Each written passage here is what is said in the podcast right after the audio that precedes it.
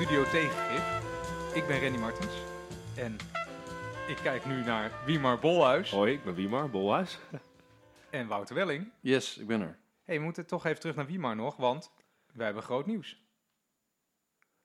Je kijkt een beetje glazig, Ja, maar ik ik, dacht, heb, ik ga het verder introduceren. ik Ja, heb gehoord Nou, dat jij vader wordt. dat klopt, ja. Dat klopt. Eh, het is nu eigenlijk zelfs zo dat wij, terwijl we nu bezig zijn met de podcast, zou ik eventueel door mijn vriendin geroepen kunnen worden dat we nu naar het ziekenhuis moeten. Eh, oftewel, zit nu, zit nu drie verdiepingen onder ons. Het kan zomaar zijn dat er straks het huis wordt gezet en dat ik hier dan blijf met mijn vriendin. Wacht tot een kindje komt.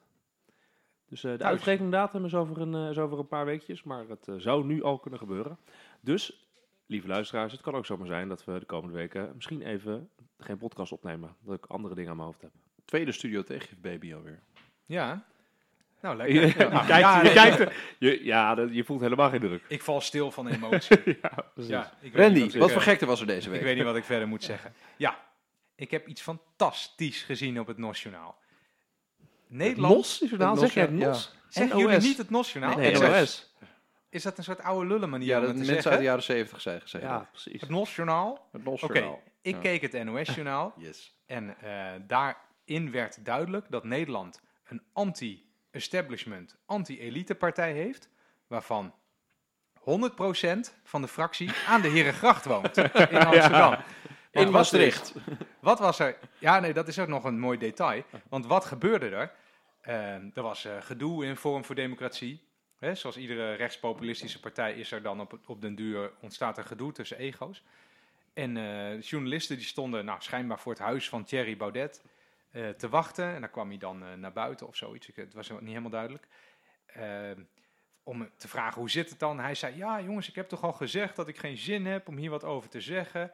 Ehm, en toen begon hij te lopen en zij liepen met hem mee. Ondertussen vertelde hij toch wat hij ervan vond. En hij liep daar zo door de straat. En opeens eh, komt Theo Hiddema uit, uit een huis gelopen. Wat extra opmerkelijk is, omdat hij in Maastricht woont. maar goed, hij komt daar ook uit zijn huis gelopen. En hij zegt, eh, eh, zegt Baudet, "Eh, ja, help, stuur ze weg. Eh, allemaal grappig, heel veel charme. Maar dat is, toch, dat is toch bijzonder, dat je dan lekker aan het besje bent tegen de grachtengordel.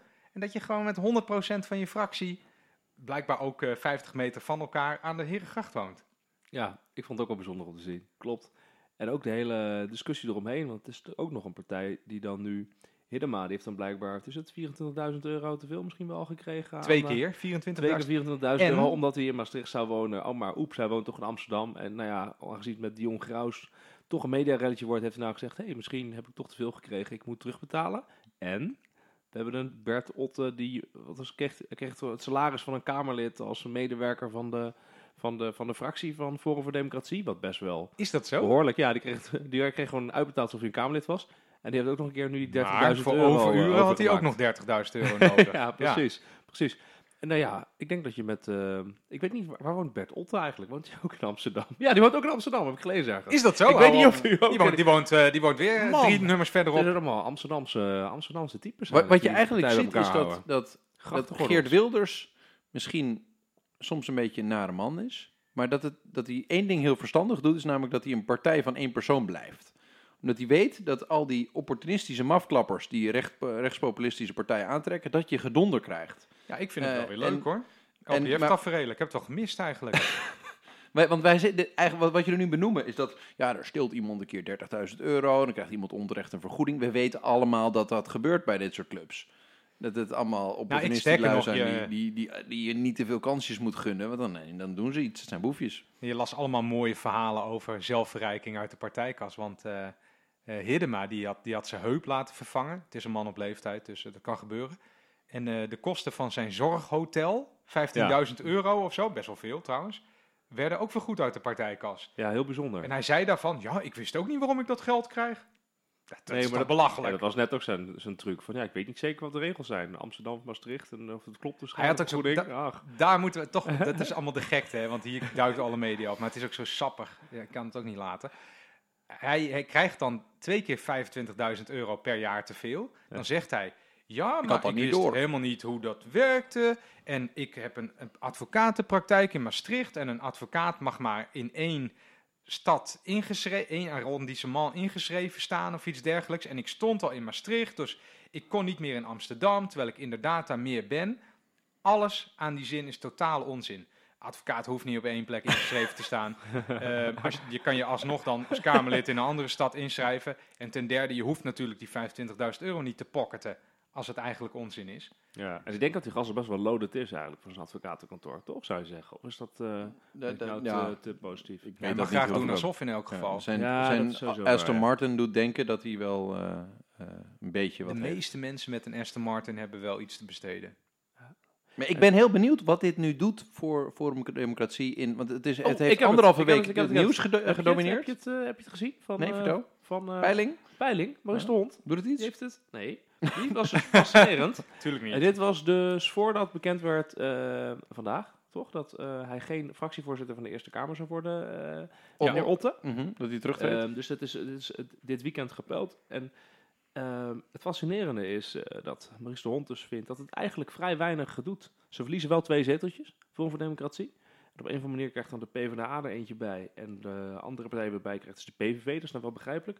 Maar doet vrij weinig. doet, eigenlijk doet het Eigenlijk niks. doet niks. Nee, dus dat maar is dat is wel, logisch? wel opmerkelijk. En eh, ja, Maurice de Hond begint dan weer over zijn verhaal. Want het is eh, de Ajax-fans tegen de Feyenoord-fans. En afhankelijk van welk club je ziet, beoordeel je de wedstrijd. Dus heel veel van die, van die eh Forum voor Democratie-kiezers... die zien deze rel als van... ah, je wordt allemaal opgeblazen in de media, is niet zoveel aan de hand. Ja, Gewoon een onhandigheidje, die- maakt die, het allemaal eh, uit. En ze staan in grote, grote meerderheid achter Baudet.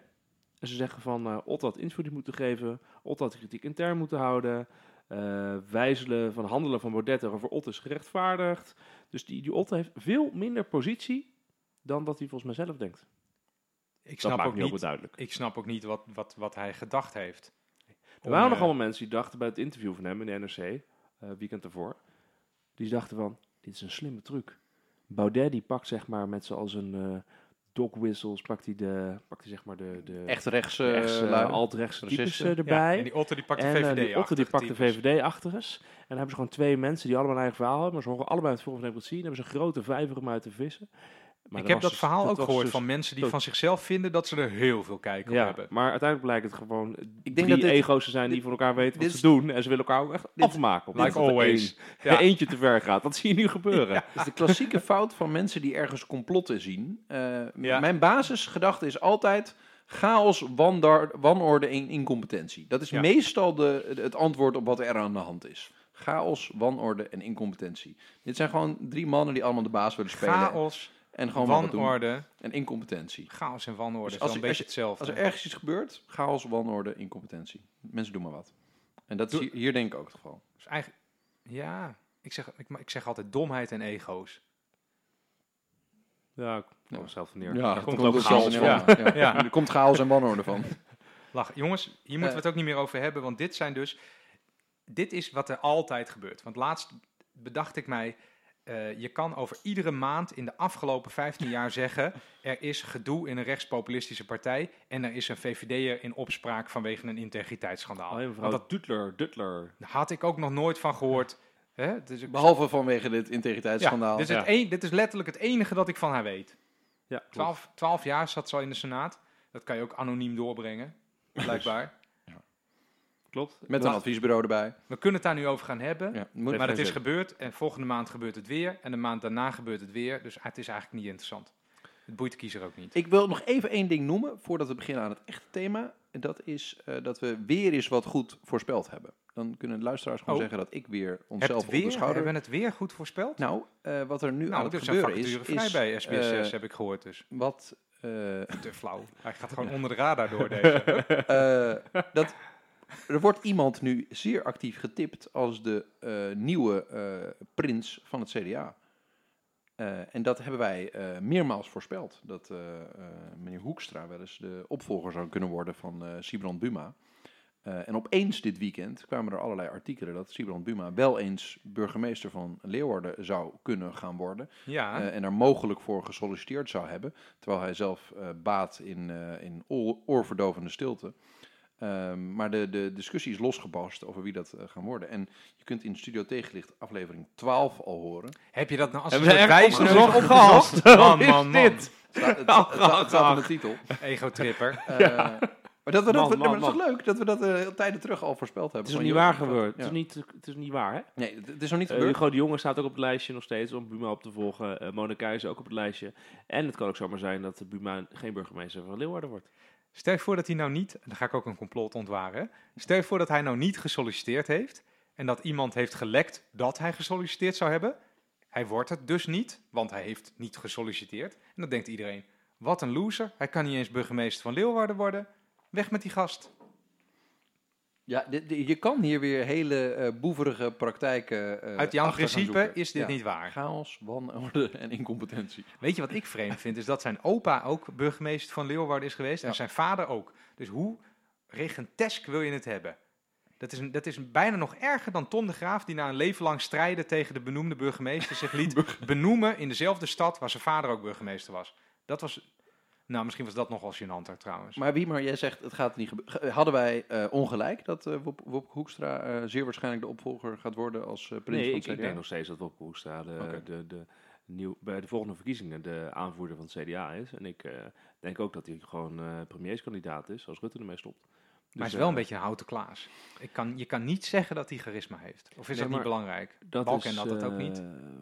Nou ja, Buma. waren ook... Buma is ook niet, niet, heeft het ook niet ver geschopt hoor. Nou, er zijn bijvoorbeeld ook mensen die zeggen dat Wim In Kok alle niet heel veel charisma had. Ja, Het klopt. was ook gewoon Ja. een, een, een, wel Ja? een hele grote, innemende man die iets Oh ja, kon. Maar ik vond het wel een, echt had een niet- hele meneer hoor. Daar stapte je niet zomaar op af van, hé hey Wim, eh, wat, heb je, wat doe je nou? Nee, dat is waar. Maar komt het overeen met charisma of met, eh, Gezag? met dat je er... Gezag, ja, Nou precies. ja, Samson bijvoorbeeld, om een, hè, een opvolger van Wim Kok te noemen, die, die trok wel aan dat mensen op hem afstapten en zeiden van, eh, wat doe je nou? Je doet het allemaal verkeerd en eh, je moet naar mij luisteren. Klopt. Kok- Maar mijn Kok punt, had was, dat niet. mijn punt was meer dat je niet per se eh, over moet lopen van charisma om een premierkandidaat te zijn. Ja, dat was mijn punt. Ja, Mensen moeten gewoon, ja. je, het, het draait allemaal om vertrouwen binnen het electo- electoraat dat jij wil aanspreken. En ik het- denk dat eh, Hoekstra dat heel erg heeft. Het vertrouwen inboezemen bij mensen die ehm, in de volgende crisis die eraan zit te komen. Bruggetje. Ja, ik zat ook te- Eh, net te denken van, we gaan eigenlijk de dat, dat kant op. waarschijnlijk Hoekstra daar eh, vertrouwen kan bieden, eh, omdat hij economisch een goed profiel heeft, omdat hij zekerheid biedt, omdat hij bepaalde traditionele waarden nog wel eh, hoog in het vaandel heeft staan. Ik denk dat het dat... eh, dat hij KLM koopt. Omdat Hey. hij je minister van Financiën is en dus gewoon heel populair is. Want het enige wat je hoeft te doen als minister van Financiën populair te worden is te blijven ademen. Wij, het is een hele goede one-liner. Die, waar je geen spel tussen kan krijgen. Maar wij, wij komen nog wel even terug op Hoekstra. Ja. Want ehm, zo komen we inderdaad, bruggetje, bij het hoofdonderwerp van deze aflevering. Namelijk de volgende crisis. eh, die ieder moment kan beginnen, heb ik van jou begrepen, Wiemar. Misschien kan jij het even introduceren. Dit is, dit is het onderwerp wat jou het meest aan het hart ligt, eh, volgens mij.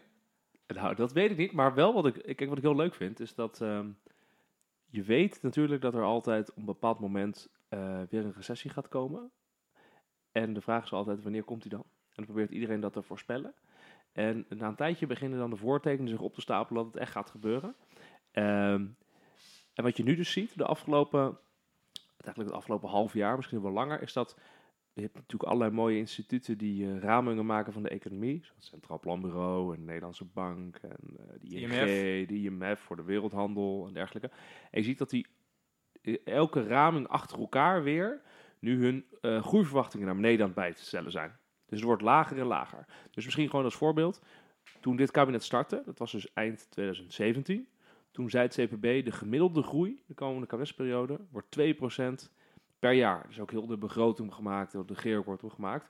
En elke keer is nu de groei weer aan het ehm, verlagen. Dus bijvoorbeeld ehm, afgelopen Prinsjesdag zei het CPB nog dat de groei dit jaar ehm 2,6% zou worden. Superveel. Superveel. Ja. Toen in Toen december dacht je al van, dat kan nooit. deden ze nog goed, een raming ja. en toen werd het 2,2%. Dus weer 0,4% punt eraf. En nu zeggen ze, bij het afgelopen maart zeggen ze, oké, de groei wordt 1,5%. Dus weer een behoorlijke, behoorlijke knauw eraf. En ook de groei voor 2020 wordt 1,5%. Dus je ziet dat al die ramingen de hele tijd naar beneden worden bijgesteld. Bij het IMF zie je hetzelfde gebeuren. Bij DNB, wat, doet minder vaak een raming, zie je het ook gebeuren. Uh-huh. Ehm, dus je ziet daar, eh, je ziet daar nou ja, dat er een neergang gaande is van de ramingen. En, en wa- waarom, eh, eh, ik, ik ga maar weer de rol nemen van de niet-econoom onder ons drieën. Waarom zou dat dan aanduiden dat nu de crisis echt eh, nabij is? Want ja, dat kan toch zijn dat het gewoon de economie iets minder snel stijgt. Ja, waarom is nu, nu echt eh, de, de boel aanstaande? Nou, eh, er zijn meerdere eh top-economen die dit voorspellen. Vooral in Amerika heb je Mhm. ehm, ehm, bijvoorbeeld ehm, Krugman, die heeft al een paar keer gezegd, de Nobelprijswinnaar heeft een paar keer gezegd van hey, de nieuwe eh, crisis gaat eraan komen. Schiller, ook een top-econoom, heeft ook gezegd de nieuwe crisis gaat eraan komen. Eh, dus heel veel partijen zeggen dat. En ehm, daar zit dan wel een kern van waarheid in. Wat vaker nog gebeurt, dat is eigenlijk wel belangrijk, is dat als de ramingen naar beneden gaan, dus we gaan bedenken, de economie gaat, wordt slechter, dan onderschat het CPB eigenlijk altijd hoeveel slechter het gaat. Dus ja, het gaat dus het altijd wordt- slechter gaat altijd dan nog men denkt. slechter dan men denkt. En het meest fascinerende is dat, er hebben dus een aantal Nederlandse economen daar een keer eh, goed naar gekeken van, als het nou slecht gaat met de economie, hoe ver zit CPB er dan naast? Ehm, en ze zeggen dat dat 1,3% punt gemiddeld is. Dus als we nu een groei hebben van ge- geraamd van anderhalf procent voor dit jaar en volgend jaar, dan kan best wel zijn dat we eigenlijk al richting de 0% zitten. Ehm, ja, en dan denk ik, dan gaat het eigenlijk best wel snel. Ja, en de vorige keer zaten ze er echt 6% naast of zo. Je weet het uit je hoofd. Dus als het echt misgaat, dan, dan heb je niks aan een raming. Nee, Uiteindelijk precies. is een raming toch gewoon een streepje door allemaal Precies. puntjes trekken. En je ziet het nou dus om je heen gebeuren. Ook Duitsland is alles aan het verlagen. En het CPB zegt nu alle ramingen nu, er zitten heel veel onzekerheden in. Heel veel onzekerheden in. Waar we eerder over hebben gehad, de brexit kan zomaar een no-deal komen. Nou, dat is wel een vertrouwenseffect wat je niet even in een modelletje zet. Eh, China kan ineens met een de handelsoorlog met, eh, met de Verenigde Staten kan uit de Ja. klauwen lopen. Hop, heb je een probleem. Italië in de recessie komt. Hop, heb je een probleem. Nou dus dat speelt ook allemaal op de achtergrond. Wat, wat gebeurde er de vorige keer? Ehm, volgens mij IJsland ging failliet. Een of ander klein Ja. land waarbij mensen buiten Europa het echt niet konden aanwijzen waar het lag. Eh, Lehman Brothers, een bank waar ik toen nog nooit van gehoord had, eh, die, die viel opeens om. Niemand zag dat aankomen. Ja. Opeens viel die om. Dus ik denk ook, een volgende crisis begint ook met een of, wat ander, niemand aan zit te komen. een of andere Chinese hypotheekinstelling waar je nu nog nooit van Nou, gehoord er is hebt. wel best wel grote overeenstemming dat eh, ik, het financiële crisis, die wordt gezegd dat die, maar, dat die ongeveer één keer in de 15 jaar zijn. En echt zo'n grote crisis als dat we hadden eh, afgelopen, nou ja, de afgelopen grote crisis, maar dat het één keer in de 80, 80 jaar, misschien 50 jaar.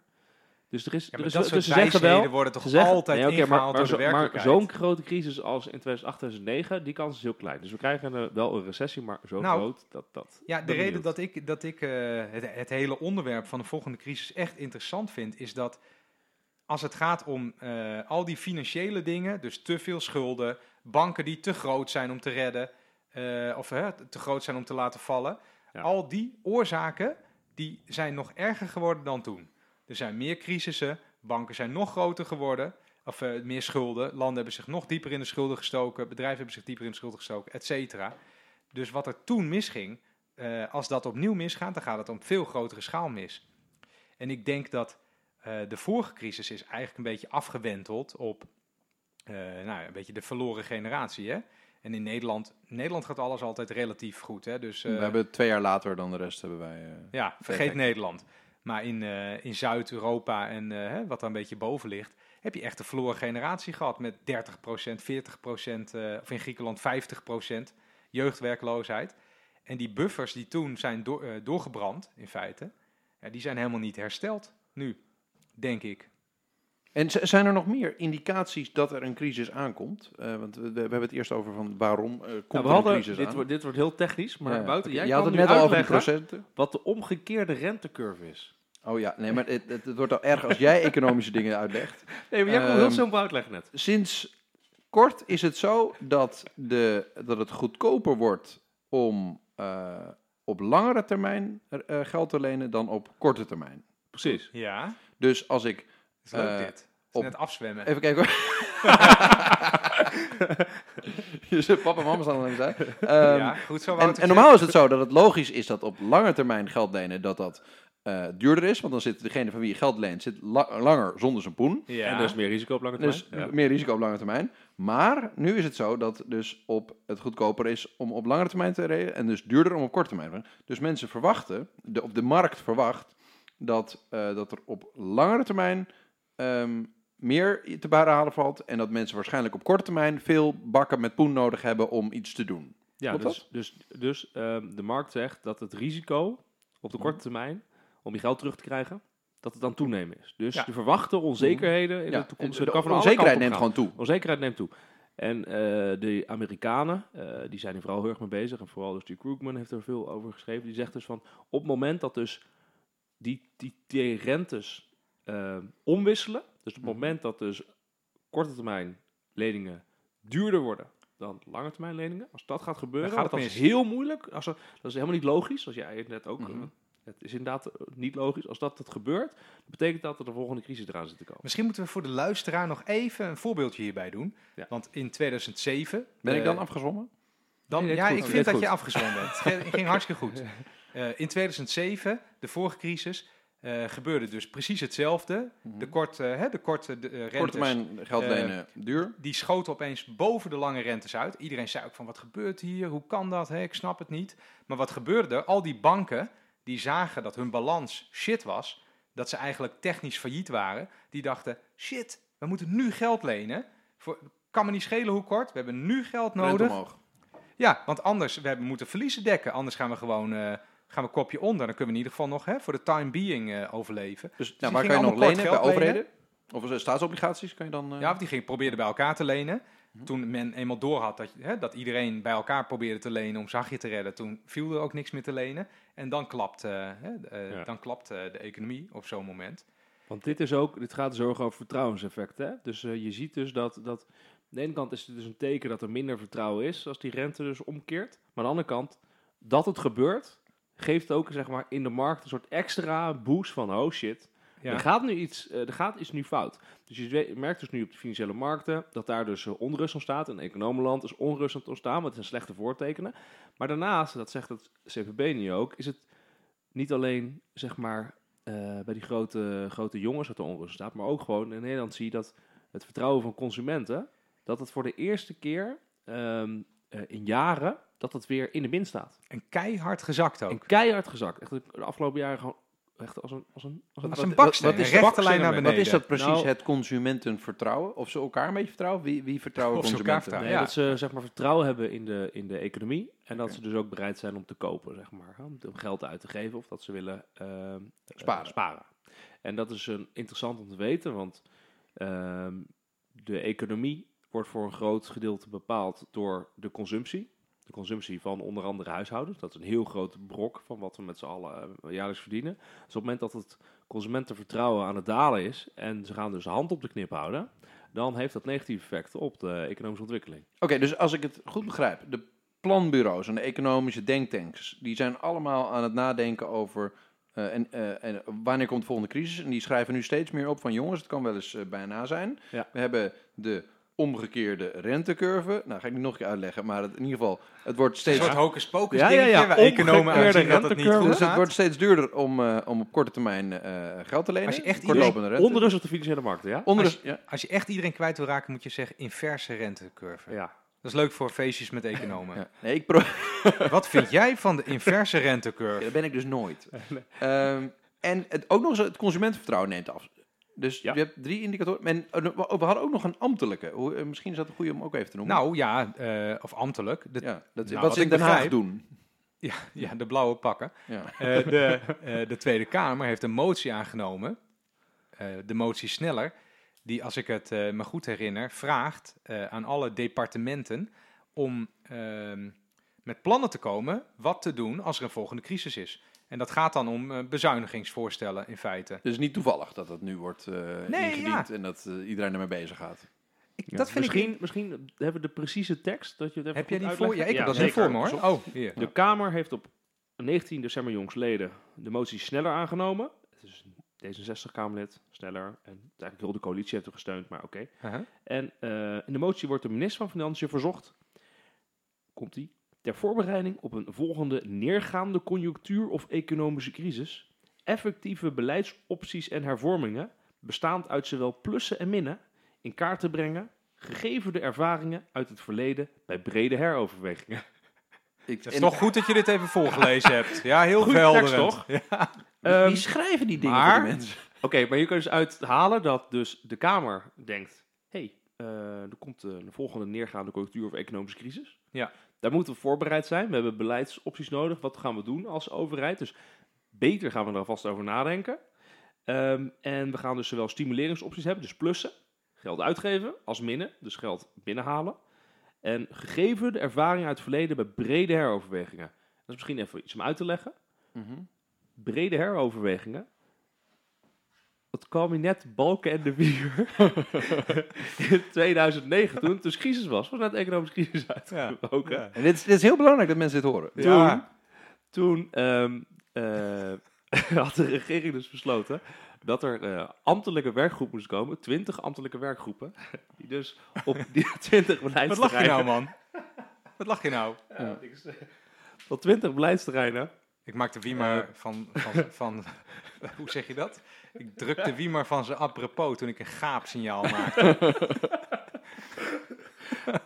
voor 20 door, werkgroepen bezuinigen. Rustig aan. Het was ook de bedoeling dat er dan 20% eh, in die rapporten per beleidsterrein eh, op de uitgaven zou kunnen worden bezuinigd. Dus was gewoon, breng eigenlijk, maak ambtelijke, ambtelijke menukaarten voor de politiek om uit te kiezen wat we gaan doen als er, als de crisis eh, komt.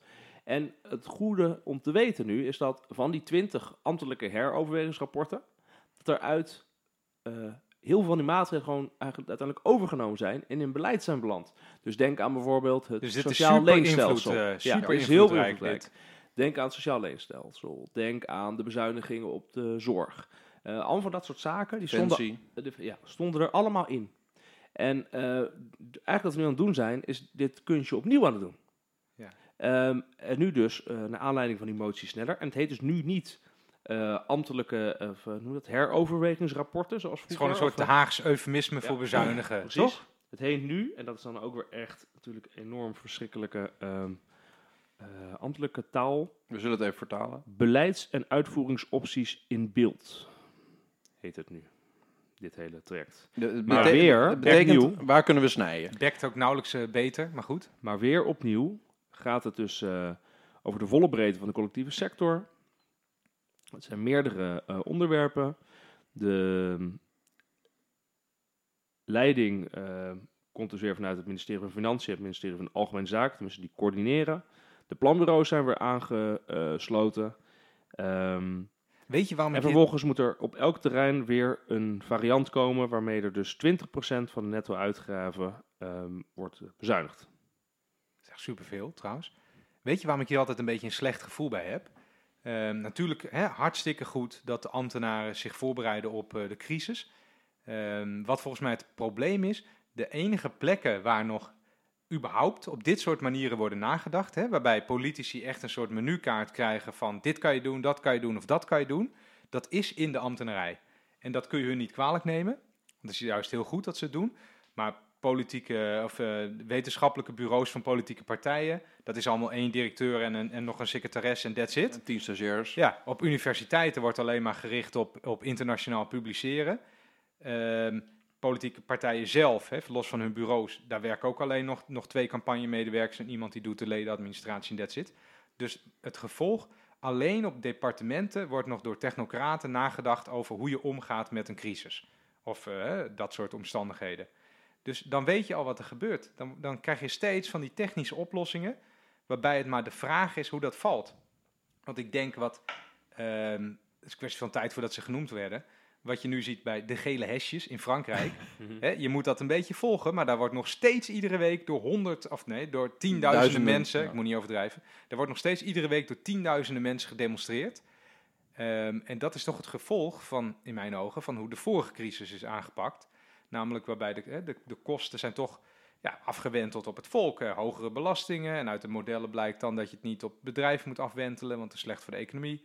Dus dan wentel je toch maar weer op de middenklasse af. En als je nu de ambtenaren vraagt weer met plannen te komen, dan komen ze weer met dat soort plannen. Want dat, dat is wat ze kennen. Ehm, en het, het is aan politici om te zeggen: nee, dit is niet slim om dit op deze manier zo te doen. We moeten nu echt eh, het op een andere manier oplossen. Maar die politici die kunnen daar niet over nadenken. Want die zijn bezig met eh, hè, dat, dat Baudet eh, ruzie heeft met, eh, met, met Otte. Wie er niet woonde waar die zei dat die woonde. Nee, wat, Ja. wat eigenlijk interessant is, dat is eigenlijk, daarom is het denk ik interessant dat we nu deze aflevering maken, is dat dit ontzettend een, een leerzaam moment is, omdat we nu aan de vooravond van de volgende crisis staan En nu eigenlijk bepaald wordt wat de beslissingen zijn die straks genomen worden. Want straks is het hommeles, tumult en moet er gehandeld worden. En wat gebeurt er dan? Dan wordt er teruggegrepen op de voorstellen en de menukaarten die de ambtenaren nu in elkaar aan het klussen zijn. Uh, en die worden gemaakt op basis van het kabinet dat nu zit en waarvan de ambtenaren denken dat nu goed in de smaak valt. Ja. Wat Ehm, betekent dat dan? Maar niemand schrijft erover. Dat is gekke. Ehm, nou, ik denk dat dat betekent dat er nu eh, eh, plannen opgesteld worden die waarschijnlijk in de smaak vallen bij de manier waarop de vorige crisis is aangepakt. Precies. En dit is wel, eh, dit is nu interessant, want precies aan de vooravond van de volgende crisis. De vraag is dan, wat hebben we geleerd van de vorige? En wat dus heel bijzonder is van dit moment, is dat ehm, in ehm, maart, in maart, en waarschijnlijk heeft niet iedereen dat gelezen, maar toen heeft de directeur van het Centraal Planbureau, Laura van Geest, met twee medewerkers van het CPB, Ik denk dat, bijna, dat niemand en dat Wim Suiker, heeft. Die ik hebben dus... gelezen toevallig. Die hebben dus Ja, eh, is- een heel groot eh, artikel in de NRC gepubliceerd met als titel Trap niet op de rem bij een volgende recessie. Oftewel, We hebben toch iets geleerd. ja, We hebben iets geleerd. Er zijn dus nu eh, ambtenaren van het Centraal Planbureau die dus nu alvast waarschuwen van kabinet, doe niet hetzelfde als de vorige keer. Ze, dat, is, dat is heel opmerkelijk, want bij, het, ehm, bij de laatste raming die ze deden, daar stonden zinnen in als van, nou, ja, we gaan nu naar die 1,5% groei, maar ehm, dat betekent dat de economische groei teruggaat naar normaal. Dus het is, het is nog niet eng, nog niet bijzonder, we komen niet in de crisis terecht, maar tegelijkertijd publiceren ze wel dit artikel in de NRC. Ja. En dat is heel opmerkelijk. Dus zij, ergens voelen ze ook wel eens aan. Het kan nu wel eens eh, snel gaan met die BBP-verliezen. en de volgende raming kan wel eens weer slechter zijn. Weer slechter. En eigenlijk waar we net mee begonnen. Hè? Dus ook die Nederlandse economen die in een artikel hebben gezegd... van ja, die, die ramingen van het CPB bij een laagconjunctuur zijn altijd te positief. Het Ja, wordt slechter. en ze denken blijkbaar dat wij doen nu deze oproep. Want als we dat niet doen, dan trapt iedereen weer in dezelfde valkuilen. Ja, want dat zie je gewoon historisch. Op het moment dat het slecht gaat met de economie, wat gaan de Nederlandse regeringen dan doen? Onafhankelijk welke kleur ze hebben. Ze gaan bezuinigen, ze gaan lasten verhogen. Dus ze gaan, eh, gaan de, de, zijn met pro-cyclisch beleid bezig. Wat ze dan zeggen, ze zijn gewoon de, de, de economische ontwikkeling verder aan het verslechteren. Ja, maar wat dan ook volgens mij wel lastig is, is... eh, wij zijn natuurlijk een land van regelvolgers. Eh, je hebt ook de Europese Unie nog. eh, waarbij in de Europese verdragen staat dat je moet eh, de 3%-norm... het gaat al jaren niet meer over de 3%-norm, maar in de vorige crisis... hebben we echt eh, op een gegeven moment hele kostbare dingen kapot bezuinigd... omdat we net nog op een tekort van 3,1 zaten. Volgens mij was de studiefinanciering is toen nog eh, hè, net wegbezuinigd, want eh, ja, dan kwam, hè, kwam je net onder de 3. Ik denk dat dat een direct gevolg is van dat je dus zo'n sterke eh, ambtelijke macht hebt. Want die ambtenaren die zullen waarschijnlijk niet verzinnen van... joh, wij vinden het politiek belangrijker om ons niet aan die afspraken te houden... want wij hebben dit en dit programma of we hebben deze, deze ideologie die we aanhangen. Nee, die krijgen een norm opgelegd. Dat is wat ambtenaren doen, regels Eh, volgen. Ja, dus dat is logisch. Dat is ook heel goed. Ehm, maar het, eh, er moet een soort balans zijn tussen enerzijds het, het adviserende, neutrale ap- apparaat van de ambtenarij en het politieke, eh, ideologische machtsapparaat van, van het kabinet dat de beslissingen neemt. En in Nederland is relatief veel macht weggelegd voor de zogenaamd neutrale ambtenaar.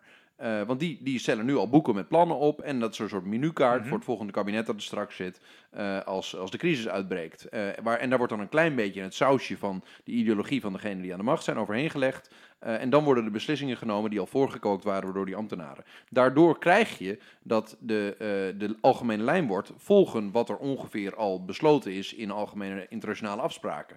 Waardoor Nederland een heel braaf landje blijft dat eh, netjes gaat bezuinigen. Nee, maar is, dat, ben ik, hier ben ik het 100% mee eens.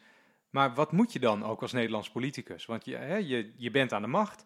Eh, de, de, de crisis slaat wild om zich heen en het tekort loopt eh, gierend op. En dan komt Brussel naar jou toe ehm, en die zegt: Ja, jij, zit, jij hebt te veel tekort. Jij komt nu in de correctieve arm. Hè? Zo heet dat dan. Welke gek dat bedacht heeft, weet ik ook niet. En dan krijg je, dan krijg je aanbevelingen, landenspecifieke aanbevelingen. Ja, jij moet dit. Eh, jij moet even de sociale huur wegbezuinigen. Jij moet even eh, de, de rechtsbijstand wegbezuinigen, want het kost veel te veel geld. Ja, Je moet de toeristenbelasting omhoog doen. behalve als er geleerd is van de vorige crisis. Kijk bijvoorbeeld, hè, eh, Macron Ja, maar denk met jij zijn dat ze gele in hesjes. Brussel hebben geleerd? Macron met zijn gele hesjes, die heeft ook alle regels van dat stabiliteits- en groeipad opgepakt, aan zijn laars gelapt, omdat hij de gele hesjes op de Ja, stoep had staan. eh, Ja. au revoir. Die zei dikke doei. En eh, Italië, precies hetzelfde. Ciao. Ja. Eh, ja, ciao. Eh, dus en eh, Macron is ook heel erg aan het pleiten om wat meer flexibiliteit in die begrotingsregels te hebben. En Ja. ik vind het eigenlijk pleiten natuurlijk, pleit het CPB eh, daar ook enigszins voor. Als zij opschrijven gewoon dit soort dingen. De overheid moet stabiliteit bieden als de economie verder verslechtert. Lager opgeleiden en werkenden met een flexibele arbeidsrelatie hebben waarschijnlijk relatief veel last van een economische neergang. Dat zijn heftige teksten hoor, voor een, voor een eh, onafhankelijk eh, bureau wat normaal gesproken alleen maar analyses uit, eh Ik, uit weet je wat hier ook opvalt? Dat het CPB heeft nou, in ieder geval tien jaar lang echt ontzettend neoliberale teksten uitgeslagen bij, bij, als, als aanbeveling. Jij bent echt gechoqueerd dat het CPB dingen zegt als...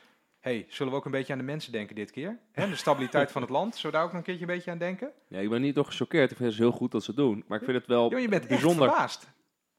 Misschien is Nou het ja. handig om de luisteraar even uit te wat ik leggen heel bijzonder gepromoveerd vind, is op wat ik heel bijzonder vond, is dat, ehm, dat we de vorige crisis hadden we een eh, CPB-directeur, Koen Deulings. Die Ja. zei ook de hele tijd van de regering, we bezuinigen te hard. Ja, die werd meteen ontslagen, en die werd, eh, die eh, werd zijn termijn eh, gelijk niet verlengd. En iedereen deed alsof hij een, eh, alsof hij een gekkie was in eh, ambtelijk eh, Den Haag. Die man is wel een beetje weggezet. ja, die man is gewoon weggezet. En nu hebben we dus een... een de, een, eh, Laura Vergees is gewoon een oud topambtenaar van het ministerie van Financiën. En die permitteert zich wel dit soort eh, dingen. Ja, dat Ja. Vind, ik wel, eh, vind ik wel bijzonder. hey, maar mag ik eens... We, we hadden het over wat er, ehm, wat er gaat gebeuren als er eh, crisis eh, uitbreekt. En waar, waar ik soms wel, wel somber van word, als je het heel simpel probeert uit te leggen, is dat er nu heel hard nagedacht wordt. Oké, waar gaan we eh, dan eh, op bezuinigen? Dus eigenlijk, eigenlijk worden er een soort van... De kaasschaven worden klaargelegd om op bepaalde sectoren er een, een stuk van af te snijden. Ehm, eh, we hebben net een periode van, van, van weelde gehad, waarbij we bezig waren geweest van... Oké, waar gaan we eh, de economie stimuleren? Waar kunnen we misschien eh, belastingvoordelen organiseren? Kunnen we een dividendbelasting afschaffen? Kunnen we de vermogensbelasting eh, wat lager doen? We komen in een periode waarbij het nou, een periode wordt waarbij er crisis is. Ik, ik denk dat de plannen alweer klaar liggen om te denken, oké, waar kunnen we zo snel mogelijk op de kaasschaaf loslaten? Dat is op sociale voorzieningen, op zorg en op onderwijs. Ehm, eh, en dat kunnen we snel doen, dat is, heeft volgend jaar effect. Ehm, en mijn, mijn grote vrees is dat dat een soort neerwaartse spiraal wordt. Want de gele hesjes die gaan dan in uitverkoop. Mensen hebben tijdens de goede periode hebben ze hun koopkracht niet echt zien stijgen. En dat zijn dezelfde mensen die als de crisis straks aanbreekt weer gepakt worden. Doordat ze hun sociale voorzieningen in een crisistijd nog eens eh, afgenomen zien worden. Eh, dus ik, wat het, het engste vind ik aan een aanstaande crisis, is dat we nu in een hoogconjunctuur, in een fase waarin het goed ging, hebben we al veel, als het ware, eh, polarisatie van het spectrum gehad. En als er dan ook nog eens crisis uitbreekt en we maken weer die domme fout om te gaan snijden op de voorzieningen die de zwakste van de samenleving raken, dan, dan ben je eigenlijk woede aan het zaaien in je maatschappij. Ja, maar denk jij dat, dat, die, dat die ambtenaren die nu aan die stukjes schrijven, ondanks de waarschuwing van Laura van Geest eh, en die andere twee, eh, denk jij dat ze manieren hebben om het niet zo te doen als wat jij net zegt? Ja, maar het moeilijke is dus dat ehm, sentiment en ehm, hoe mensen zich meegenomen voelen of de vertrouwen in de centrale instituties om er ook voor hen te zijn, dat valt niet mee te nemen in een groeipercentage of in een Nee, begrotingstekortpercentage. dat weet ik. Dat weet ik. Ehm, ik vraag me alleen af, als er niet ergens een politici zijn die dit gaan corrigeren met een heldere visie, dan wordt ook, als er in de volgende crisis 20 miljard bezuinigd moet worden, eh, gaat dat gewoon weer ongeveer op dezelfde manier. En als je het niet zelf doet, dan komt dus Brussel met een rapport met aanbevelingen van, en zo moet je het doen. En daar staan ook allemaal weer eh, van dat soort dingen in. Hè? Bezuinig het maar weer eh, op de sociale zekerheid. Want we hadden het net over het eufemisme van ombuigingen. Nee, Ja, heroverwegingen. Wat gewoon bezuinigen betekent. Er zijn wel honderd woorden voor. En verder in die, in, die, in die motie, sneller, stond hervormingen. En hervormingen, dat is toch een soort nieuwspeak voor de verzorgingsstaat slopen. dat, dat is wat het betekent, hè? Dat is ook, eh, D66 heeft altijd over hervormingen. Dan bedoelen ze gewoon hè, dingen voor zielige mensen weghalen weg, eh, wegsnijden. Ja, iedereen die afhankelijk is van een of andere regeling, hup, weg, eh weg Nou, nee, nee, Randy, dit, dit, dit, dit hebben we al eerder besproken. Ik denk niet dat er dus een soort kwade bedoelingen achter zitten bij veel van die, die mensen in een blauw pak. Eh, die of bij de middenpartijen zitten of in de ambtenarij, die kijken gewoon naar de economische modelletjes die ze op de universiteit hebben geleerd. En die le- leren hen dat we ehm, eh, moeten bezuinigen wanneer de economie eh, dalende is. En dat we dat moeten op terreinen waar het snel effect heeft. zodat we er volgend jaar direct enigszins de neergaande economische trend kunnen stutten. Eh, dat hebben ze gewoon geleerd, dat doen ze braaf en dat staat in hun modelletjes. En daarbij komt nog eens dat als het slechter gaat, dan gaat iedereen zijn eigen belangetje eh, vertegenwoordigen. En welke mensen zijn goed in hun belang vertegenwoordigen? Dat zijn mensen die hoog opgeleid Met zijn poen. en poen hebben. Ja, Dus wie zijn de pineut? Mensen die laag opgeleid zijn en geen poen hebben. Dus daar gaan we eh, het wegbezuinigen. Dat is hartstikke begrijpelijk. En dat die mensen in blauwe pakken vinden dat een goed idee. De waarschuw, eh, dus de CFB waarschuwt daar dus echt voor. Zij zeggen dus, in dat, in dat NRC-artikel zeggen ze van ja, een groot verschil met de vorige crisis is dat nu 45% van de laag opgeleide een flexcontract heeft. Dus op het moment dat je gaat bezuinigen of gaat lasten verhogen, op het moment dat de economie slecht gaat, en je gaat dus nog een keer een extra eh, trap naar beneden geven, wie zijn de eerste die eruit vliegen? Laag En opgeleide. die krijgt het Malieveld. ja, Ja. er zijn mensen die zeggen de vorige eh, economische crisis hè, van 2008 en daarna, ehm, die heeft de gevestigde partijen, die daarvoor lekker groot waren en heel stabiel gingen, Mhm. een, eh, een hele zware klap gekregen, gegeven. En die partijen die zijn nu hè, eh, die zijn hun leden kwijt, die zijn hun kiezers kwijt, maar met hun nagels houden ze zich dan nog net vast aan de macht. Hè? Heel af en toe komt er ergens even een populist aan de macht, maar verder, het zijn nog steeds de Ja, gevestigde die, die partijen. verprutst Ja. prutst het zelf alweer. Ja, maar die zijn, niet weer, die zijn niet weer zo groot als toen. Dus die zijn nog zwak nog steeds. Maar als er nog een volgende crisis overheen komt, eh, die het falen van het beleid nog een keer duidelijk zou maken. Ik weet niet wat er dan gebeurt hoor. Dan trek je echt het eh, laken van tafel en ik weet niet wat er, wat er onder vandaan komt. Ik denk dat eh, als je dacht dat, eh, dat je het gezien had met Wilders en, en Thierry en Marine Le Pen die een beetje leuk meedoet bij de presidentsverkiezingen. Ik denk dat, dat, die, dat die lui in de coulissen staan te wachten totdat dit helemaal misgaat. Ja, die, die staan te- popelen. Die zien het eigenlijk als eh, de, de, het- het- de, de start van de volgende crisis is het fluitsignaal voor de wedstrijd. Dan, eh, dan gaan we echt Ja. beginnen. Wat, wat men steeds zegt over Forum eh, en, en de PVV en LPF. eh, mensen hè, met, met verstand en hele redelijke mensen en zo, weldenkend, die zegt dan steeds ja, maar er is maar 20% van het electoraat die hiervoor kiest. Dus hè, eh, dan weer is het de PVV en dan weer is het Forum. Dus ze vervangen elkaar, maar het is steeds maar 20%. En ik denk dan, wie zegt dat dat bij 20% blijft? Als je nog een keer zo'n bezuinigingspakket op mensen neer laat dalen, mensen zien weer dat het voor hun slechter wordt, waarom wordt die 20% dan niet 40% of 60%? Dat kan natuurlijk gewoon gebeuren. Ja, behalve dat ze niet gaan stemmen. Lager opgeleide. Dus eh, dat is het. Dat is, het- Ja, of is dat iets wat hoger opgeleiden zichzelf vertellen? Ja, ik, ik denk dat het maar op één ding neerkomt. En dat is, eh, eh, blijft het een culturele of identiteitsdiscussie? Dus kan, kunnen die rechtspopulistische partijen, die nu denk ik nog even een jaartje lang ruzie met zichzelf gaan maken, eh, kunnen die het houden op eh, immigratie, eh, globalisering en, en de, de vreemdeling komt binnen en dat is de schuld van, van uw crisis. Daarom is jouw koopkracht niet gestegen Ehm, en moeten we trouwens wel je, je uitkering snijden. Ehm, als, als het een, een verhaal blijft dat gaat over xenofobie en, en over de vreemdeling die onze maatschappij verstoort en onze boreaal dat eh, eh, verstoord wordt en, eh, en, en dat we geen mammoeten meer kunnen doden en dat soort dingen.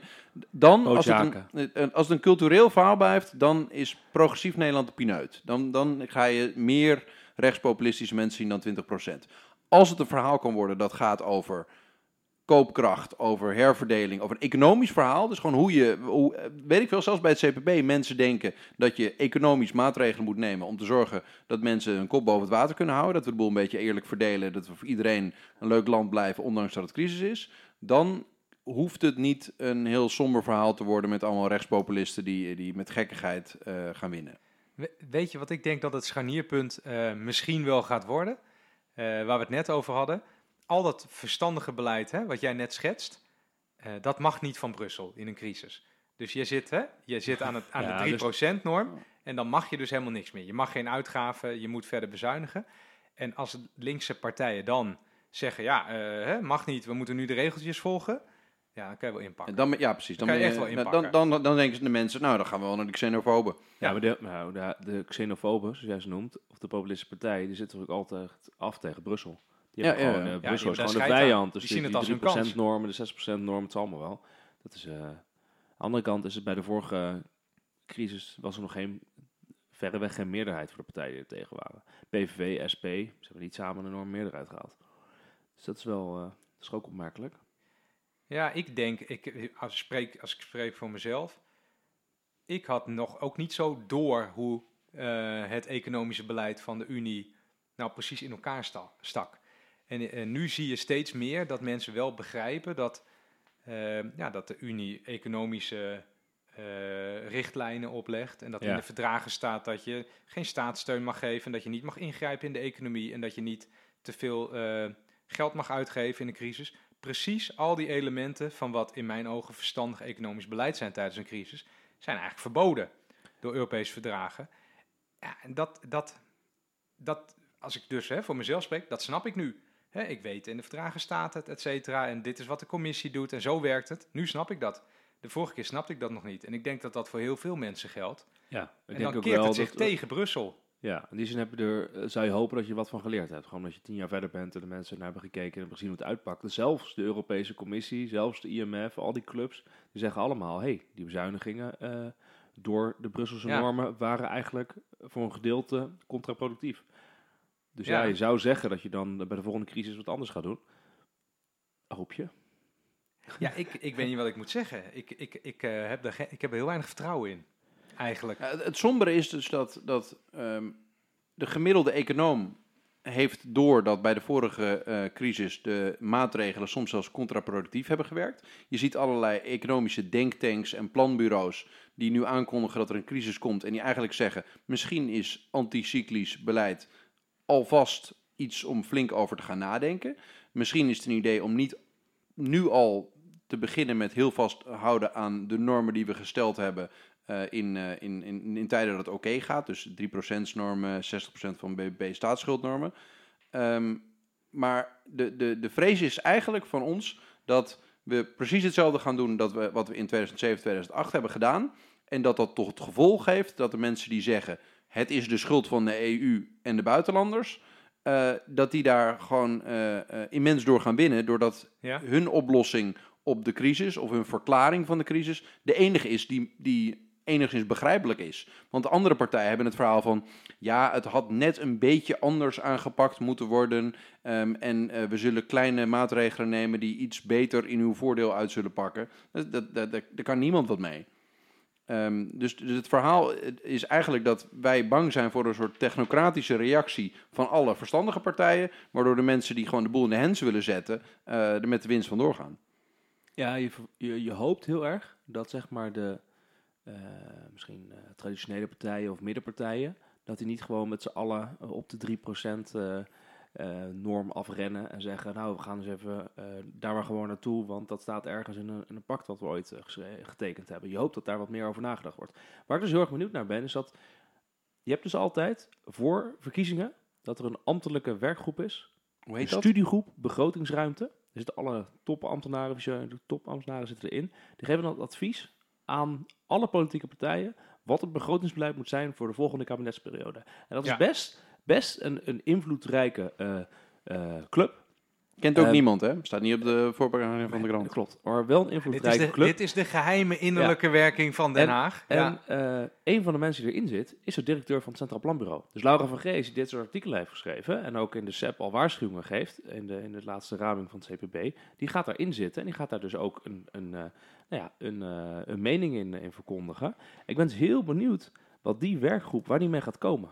Want dat wordt, eh, dat wordt heel invloedrijk. En de vraag is dan, gaan zij dan dus heel erg nadenken over wat het meest belangrijke is, is inderdaad de 3%-norm en de houdbaarheidspositie van de overheid, van zeg maar alleen maar budgettaire variabelen, wat jij dus als technocratisch zou, zou bestempelen? Of ga je ook nadenken, hé, misschien is er wel iets anders dan budgettaire normen en doelen. Misschien heb je ook iets als economische, macro-economische doelen. Hè? Wat wil je eigenlijk doen qua stabiliseren van de economie? Dat zou een enorme uitzondering zijn als studiegroep begrotingsruimte, want die gaat vaak alleen maar op budgettaire dingen zetten. Als je hier nu een keer over gaat nadenken, dat zeggen, hé, hey, ja, Maar misschien is het wel een goed jij- idee om nu een keer na te denken over, eh, er zou misschien een recessie aan kunnen komen, maar laten we eens gaan richten op de toekomst. Hoeveel groei hebben we dan? En hoeven we niet meteen te gaan bezuinigen of eh, Maar denk jij dat dat gaat gebeuren of niet? Ehm, ik hoop het. Ik, denk, dat- ik ga ervan uit dat iedereen kan leren. Dus ik ga er ook vanuit dat, eh, dat ambtenaren kunnen leren. Dus ik ga er ook vanuit dat dit, dat dit kan. Ja, zeker. Die studiegroep begrotingsruimte moet misschien de, de... We hadden het vorige podcast hadden we over de, het boekje dat de directeur van het eh, Centraal Cultureel Planbureau geschreven heeft. Het Veenbrand van eh, Kim Putters. Misschien moeten ze die eens uitnodigen bij de studiegroep begrotingsruimte. Ik denk dat ze een interessant gesprek zouden kunnen voeren. Nou, bij deze, de suggestie is gedaan. Ehm, we, we zitten ook al op een, eh, een 50 minuten, jongens. Eh, Respectabel. ja. Ik vind Heel respectabel, ja. Hebben- moeten we nog meer voorspellingen doen? eh, wat er gaat gebeuren in de volgende crisis? We, houden ons ding- hart zullen we vast. één tip ik. geven. Ja? Eén ding wat heel belangrijk is, is dat onze nieuwe premierskandidaat van het CDA, die nu minister van Financiën hoe heet is, hij ook weer? Bob Koekstra. Premier in waiting. Die, ik merk eh, dat jullie hier stel- echt veel vertrouwen in hebben, hè? Stel- Nee, ik zei, eh, hij zei dat, het, dat hij premier wordt en ik zei premierkandidaat. Dus een groot verschil. Eh, maar de, als een volgende crisis uitbreekt, wat hij dan in ieder geval niet moet doen, is al die, die waar we hebben eerder over gehad, hè, al die investeringen in infrastructuur en defensie, die het kabinet in de planning had staan, maar dat geld kon maar niet uitgegeven worden, want er is te weinig mensen. mensen te vinden. En het eh, het geld komt maar niet weg. Dus al die onderuitputting. Dat geld moet hij gewoon allemaal lekker laten staan. En zorgen dat het eh, toch uitgegeven gaat worden. Want dan. eh nou ja, goed voor de werkgelegenheid. Goed voor de werkgelegenheid. Dus hij moet niet meteen, op het moment dat het even slecht gaat met de economie. en het CVB komt met een slechte raming. Dan meteen zeggen: Oh ja, we gaan de uitgaven eh, verminderen. hey, weet je, we hadden nog een paar van die, eh, van die posten staan voor infrastructuur en defensie. Dat wordt toch niet uitgegeven? Nou, dat trek ik allemaal in. Ja. Dan is hij slecht bezig. Ja, ik heb ook wel. eh, ik, dan heb ik ook nog wel een suggestie. Ja, ik, te- terwijl je dit zei, moest ik denken aan ehm, iets wat een feitje wat ik weet over de bouw. Namelijk dat in de vorige crisis van de bouw Mhm. zijn er eh 200.000 bouwvakkers uit de bouw verdwenen. En die zijn ook eh, wat anders gaan doen, die zijn nooit meer teruggekomen. Dat is de reden dat het nu zo moeilijk is om een huis te bouwen. Ehm, en ik weet niet hoeveel werklozen er waren op het hoogtepunt. Maar volgens mij is 200.000 werklozen is best wel een significant aantal. Dus al die dingen met verduurzaming en woningtekorten die je nu hebt, doorgaan als het weer Ja, crisis is. Pomp er geld in, cent op Ja. bezuinigen, extra geld erin. Zorgen dat al die bouwvakkers aan het werk blijven. Dan, wordt er ook, eh, er worden er ook allemaal moertjes en schroefjes en zo worden er gekocht. Volgens mij is dat echt eh, Ja, een slok op een borrel hoor. het hele verduurzamen. En ook dat, dat potje geld wat er voor de verduurzaming was van de woningbouwcorporatie, wat nu gestopt wordt, het hele programma. Wegens succes gestopt. Wegens ja. succes gestopt. ja, dat is ook eh, een beetje dom. Maar ja, goed, ik hoop dat ze dat ook weer openzetten. Ja, eh, dus als, het, als, de, als de bouw op zijn gat begint te gaan, Maxime Vaag zal blij zijn dat ik dit zeg. Vol gas, vol door, extra geld erin. Ja. Ja, ja. ja ik ben benieuwd. Ik ben benieuwd. Mooi. En misschien nou je het zo zegt, wie, maar ik heb toch wel ergens een beetje hoop dat men er wel een beetje van geleerd heeft. Ik ben alleen bang dat ze in Brussel niet zo heel veel geleerd hebben. Want eh, als, er, als er weer een land eh, à la Griekenland eh, onderuit gaat, ehm, ja, dan, dan moeten ze het echt anders gaan doen. Met, hè, met de trojka, met, eh, Ja, met de precies. ECB, eh, Precies. de Europese Centrale Bank en de Europese Commissie.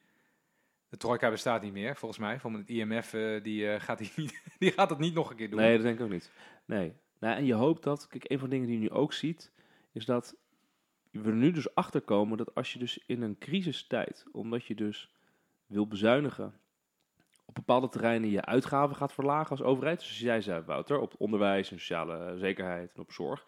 Je zegt van we gaan die uitgaven verminderen. Dan kost het sowieso even een paar jaar voordat je die uitgaven daadwerkelijk verminderd hebt. Want je hebt allemaal overgangstermijnen en er zitten allemaal mensen die natuurlijk niet meteen werkloos willen worden. En je moet Ja, ja. rustige indaaleffecten, bla bla, zachte landing, dat soort dingen worden dan gezegd. Hè.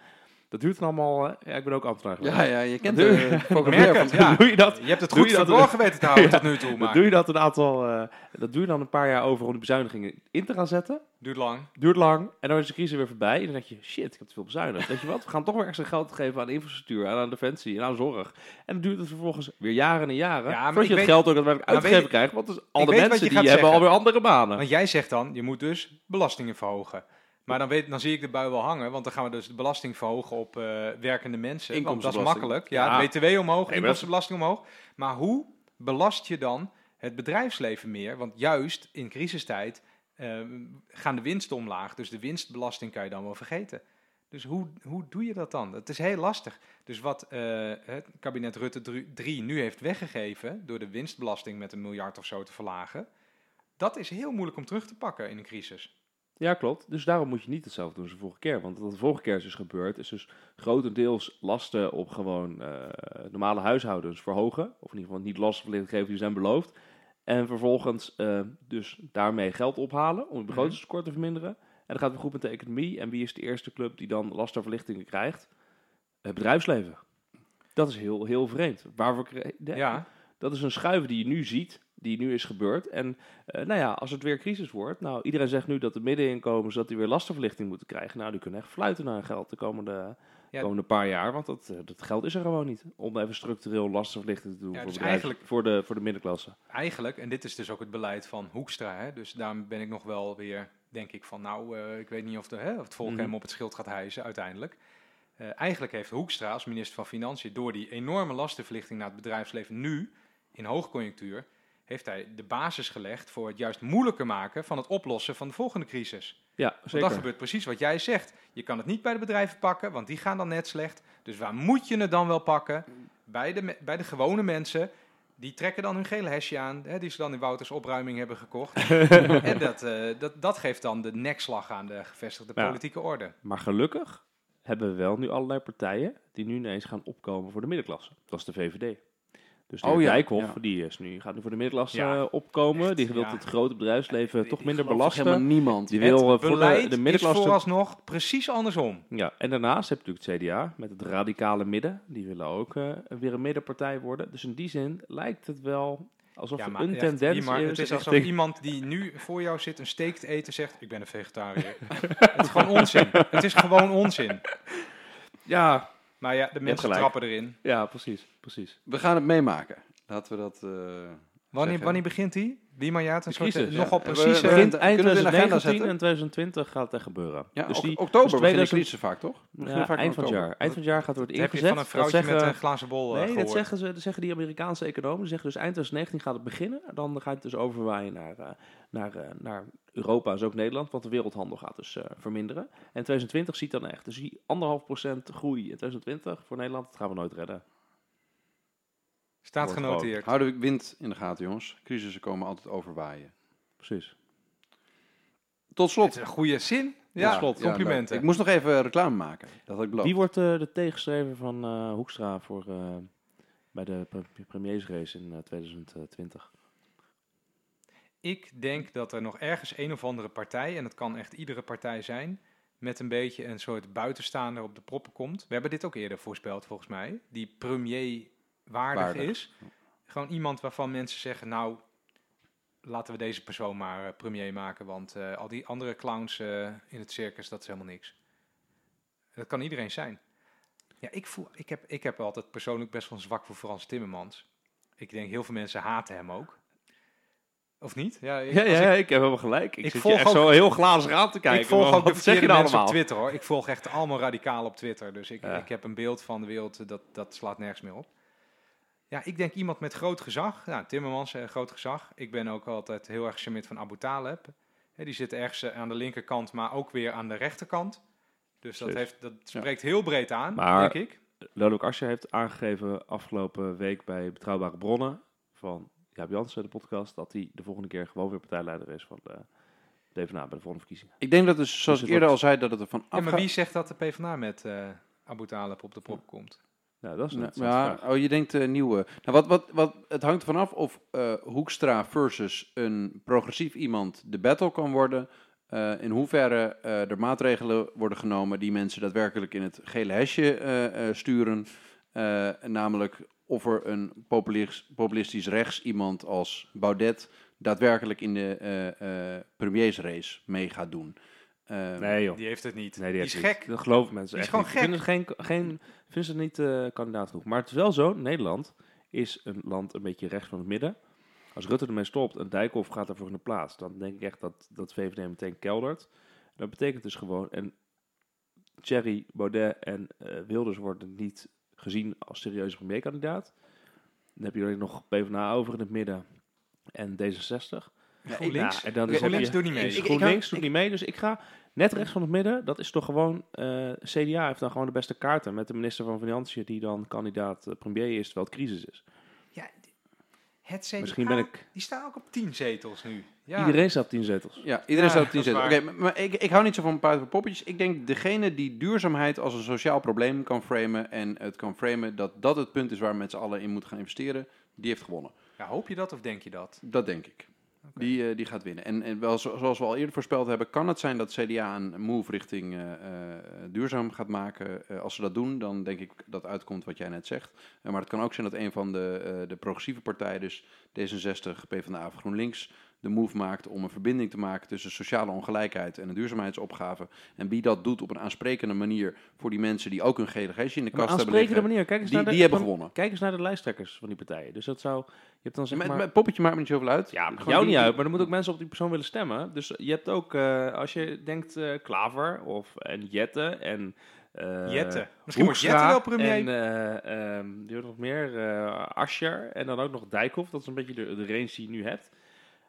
Ja, dan... dan eh, Zie jij dan Jette dit, dit verhaal vertellen wat jij nu... eh, v- Nee, die geeft weg als hij in een gele- geel hesje zit. nee, en, en is, is, is Klaver dan de, de Ik, premierskandidaat, ik denk weet het niet. Dat, ik, het zou ik best ook wel niet eens voor kunnen. me. Ja, ik voel dat niet. Nee. Je moet Hey, dat ik, denk, eh, je ik, denk, ik denk Hoekstra tegen Ascher. Oké.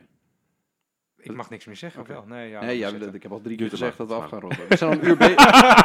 Wouter, je hebt gelijk. Ja, Dankjewel weer voor de tijdsbijhouding. Ik moest nog even reclame maken. Op Oh ja. 10 mei ben ik in ieder geval in Amsterdam in Pakhuis de Zwijger. Eh, want er komen weer verkiezingen aan. Dit is waarschijnlijk de laatste podcast voor de volgende verkiezingen. Eh, want eh, wie mag papa worden? Eh, en eh, daarna zijn er verkiezingen op 23 mei voor, de Europese, voor het Europese parlement. En in voorbereiding daarop is op 10 mei in Pakhuis de Zwijger een avond met allemaal eh, progressieve mensen die eh, het Europese parlement in willen. Dus met eh, iemand van eh, D66, iemand van de SP, iemand van PvdA en iemand van een nieuwe partij, een Europese progressieve partij, dat heet Volt. Dus eh 10 mei in de avond, vrijdagavond in Pakhuis Zwijger. Dan kan je ook een biertje drinken met de mensen van Studio Tegengif. Waarschijnlijk niet met Wiemar, want die is papa aan het wezen.